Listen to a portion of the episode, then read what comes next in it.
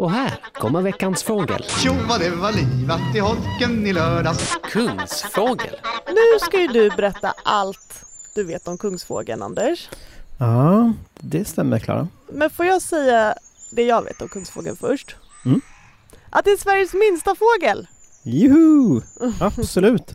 Det är också roligt tycker jag. Det känns som att det kan inte varit en royalist som döpte just den minsta lilla fjuttfågeln till kungsfågeln. Nej, det var det kanske inte.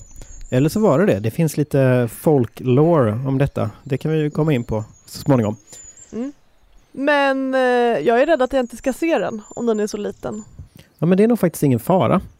För att samtidigt som de är små så är de också ganska förtroliga. Så att eh, det är inte alltid man ser kungsfågel. Men eh, så här under flyttningstid som det är nu, det är ju lite vårt hösttema att vi försöker följa fåglarna när de så att säga pikar i, i sin höstflyttning. Så blir den ofta mer synlig. Och kommer lite närmare och är lite oskygg sådär. Eh, Och så, bladen ramlar av träden så då ser man ännu bättre. det är också en viktig faktor.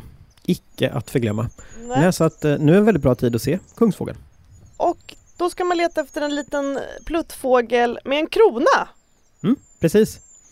Där har vi det. Kungsfågeln har ju så att säga en, en liten, liten, nästan rund fågel. Ofta är ju fåglar lite så här utdragna i formen, men, men kungsfågeln känns nästan som en pingisboll. Med så här kort kropp och, och litet huvud som på något sätt sitter ihop med kroppen mer, lite halslös liksom. Och sen har den ett grått ansikte med ett svart pepparkorns öga i. Och så har den eh, då den här tydligt gula kronan på huvudet. Och i övrigt är den lite grå under och lite grön på ovansidan och så har den vingband på vingen. Men den enda riktigt så slående färgen det är just den här gula kronan då så att eh, kungsfågel känns ju naturligt på det sättet. Men du, hur glad blir du när du ser en kungsfågel? Ökar pulsen? Eh, nej, det gör den inte. Alltså kungsfågeln är en väldigt vanlig fågel. Och eh, framförallt så här år som jag är ute och skådar så ser jag mycket kungsfåglar. Det är när de är, de flyttar nu och, och de är vanliga så att de finns nästan överallt om man skådar i dungar och sånt där under flyttningstid. Men de är väldigt trevliga och charmiga i alla fall så att jag gillar dem och, och om det inte är flyttningstider på året så då märker man dem att de bildar en ljudkuliss då med sina läten ofta om man går i, i barrskog som en annars rätt så kal, artfattig miljö så, där, så, så märker man ändå att kungsfågeln är där och ger lite liv. Och vad hör du då då? För Ja. kviddevitt. Då hör man, alltså kungsfågeln har egentligen två typer av läten då, eller den har dels sång och sen har de lockläten. Eh, och eh, sången, det är någonting som man hör på, på våren. Det är en fin slinga som är lite så här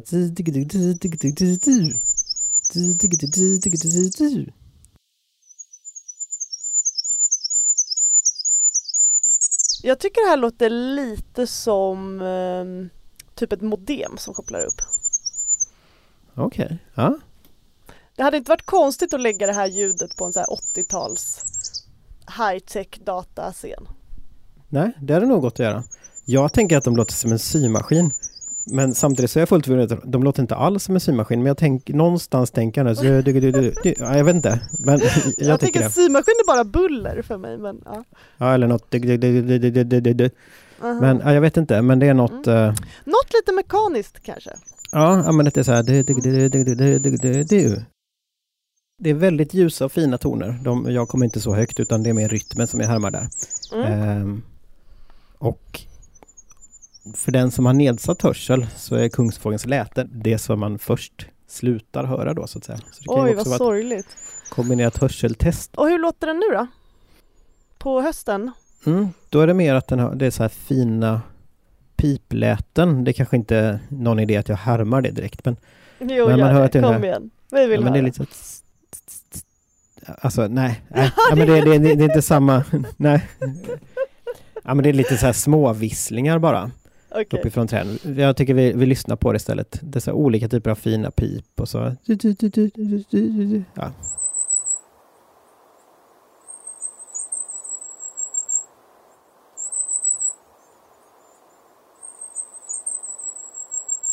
Och sen är det ofta stora mängder kungsfågel som drar runt under, under höstflyttningen. Ja, för om man är liten måste man väl hålla ihop tänker jag. Mm. Det stämmer nog. Eller jo, men det stämmer på något sätt. Men sen tror jag också att det är helt enkelt att det är en vanlig fågel och de har en tendens, de är ju små liksom, så att de kan inte flytta jättelångt i ett svep de här utan det blir lätt ganska höga koncentrationer av kungsfåglar. Att de samlas på vissa ställen.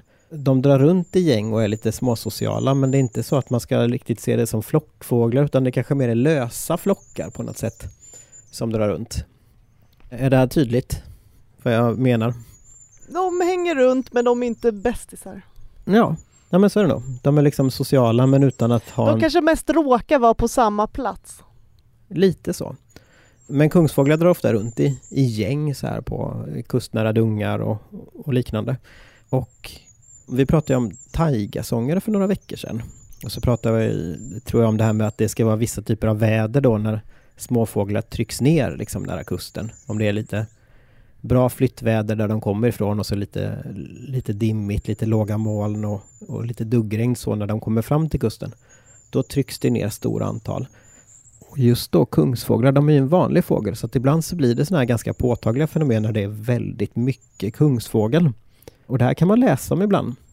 Det var för något år sedan i Malmö så fick det mycket utrymme i, i media när det var en sån här höst och det fanns mycket kungsfågel under flyttningen. Att det var, hade varit ett bra häckningsår och sen blev det väl något läge när det var bra att flytta och sen blev det ganska dåligt väder i Malmö. Så att det var det så här massdöd Oj! när kungsfåglar då flög in i byggnader och sånt där och sågs överallt in i stan.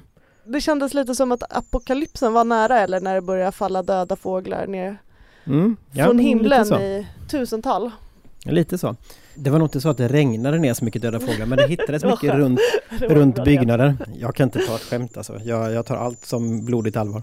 Eh, nej, men det var lite dålig sikt och lite så här lågt väder och trötta fåglar som gjorde att de flög in i byggnader, ofta glasbyggnader då. Men det är inte bara så att fåglar är döda utan kungsfåglar är ofta, de, de blir snabbt trötta sådär. Eh, de är väldigt små och så har de hög ämnesomsättning så att de kan liksom dimpa ner lite vad som helst som trötta fåglar. Men de har också hög ämnesomsättning så att de kan liksom äta upp sig fort och vila upp sig fort. Så att för det mesta så blir det bara då att det blir så kallat nedfall brukar man prata om då i, när man pratar om, om flyttande fåglar. Att de liksom dimper ner i stora mängder någonstans men sen kryr de snabbt på sig och kan dra vidare. Ja men det låter som att det är både en fördel och en nackdel att vara liten. Att så här, det Mm. är inte så här mycket fettlager att flyga runt med. Men eh, man har inget att ta av heller om det är en dålig dag. Precis. Så att eh, kungsfåglar kan, deras BMI skulle man kunna säga varierar extremt mycket över dygnet i princip. Alltså de har jättehög ämnesomsättning så de måste äta mycket hela tiden och sen när de inte äter, om de flyttar eller om de övernattar eller så, så bränner de fett väldigt snabbt. Och sen lägger de på sig fett väldigt snabbt. Brukar du se det när du ser dem? Oj, här var en liten mager kungsfågel. Och här var en... Nej, det är Nej. svårt att se faktiskt. Eller man ser det inte direkt på fågeln. Fåglar kan ju liksom burra upp sig och sånt, det är det som avgör formen. Men däremot om man ringmärker fåglar rent allmänt så brukar man blåsa. Eh, De har genomskinlig hud under fjäderdräkten Mm. då. Då kan man se liksom om det är upplagrat fett på buk och bröst. Eller om det är, man ser rakt in då. Och kan se liksom, Med revbenen. nej det är snarare om man ser organen igenom då. Man kan se till Oj! exempel Typ hjärtat pickar genom huden. Nej, men man kan se lever och kanske så här tarmslingor genom huden där de ligger nära huden då liksom så, så syns de så lite Åh, mörkare. Men Gud! Då är man smal. då är man smal. Så att eh, det finns tydliga skalor då för, för ringmärkare. Eh, hur mycket fett finns det upplagrat på den här fågeln?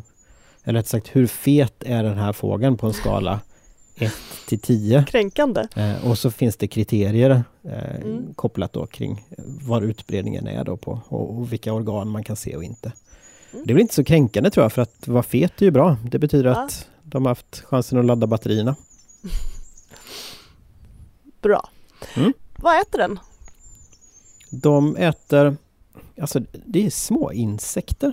Liksom, som de, de hoppar runt och plockar små insekter. Ofta då i barrskog där de är hemma så i vanliga fall där de brukar häcka så ja, men små spindlar och liknande som de plockar upp i träden. Eh, de kan också ta flygande insekter naturligtvis och, och flyga ut och snappa sådär men, men ofta så hoppar de runt i granar och liknande och så letar de efter små ätbara insekter att snappa upp. Så att insektsdiet är det som gäller. Och sen under flyttningen då så får de väl variera sig lite om de rastar. Men de brukar kunna hitta smått att äta lite överallt. Jag såg på Instagram när Mhm. jag kollar runt lite från vår veckans understreck fagel som vi har på Instagram som är toppen som man ska följa. Att vissa hade lagt upp bilder på kungsfågelsångare. Ja, Är det olika arter eller? eller? Jag, det är olika arter. jag blev förvirrad. Mm. Kungsfågelsångaren, den är släkt med taigasångaren som vi pratade om häromveckan också. Och på något sätt skulle man kunna säga att den påminner om en kungsfågel. Det är en liten sångare och den har de här dubbla vingbanden som en kungsfågel har. Men sen är det också att den tiden när kungsfågelsångaren dyker upp i Sverige, det är i princip oktober månad som det börjar. Och i söndags så var första dagen som det sågs kungsfågelsångare i Sverige. Den här hösten. Så att eh, oktober månad är den månad som gäller. Och kungsfågelsångare drar ofta runt tillsammans med kungsfåglar. Så man hittar dem ofta på sådana ställen där det finns kungsfåglar redan och den kan liksom haka på de här kungsfågelgängen. Men det är mycket snygg fågel. Vi pratade om att taigasångaren är riktigt snygg. Eh, och kungsfågelsångaren är ännu snyggare. Oj oj oj. Mm, Ja, mm, vi får mm, slänga upp ja. en bild på det också på Instagram. Om jag får skryta lite så var det eh, mina kompisar och jag som hittade då den här första kungsfågelsångaren för hösten. Då kanske det Eh, var det jag såg. Det kan ha varit det du såg. Ja, Mm. men grattis får jag säga då. Tack! Och där gick pulsen upp. Nej men det gjorde den verkligen. Mm. Eh, Det gick till så här att jag låg i ett tält och funderade på om jag skulle gå upp för jag hörde att det var mycket kungsfåglar i farten och tänkte nu får jag gå upp och kolla på de här. Solen har ju varit uppe ett litet tag.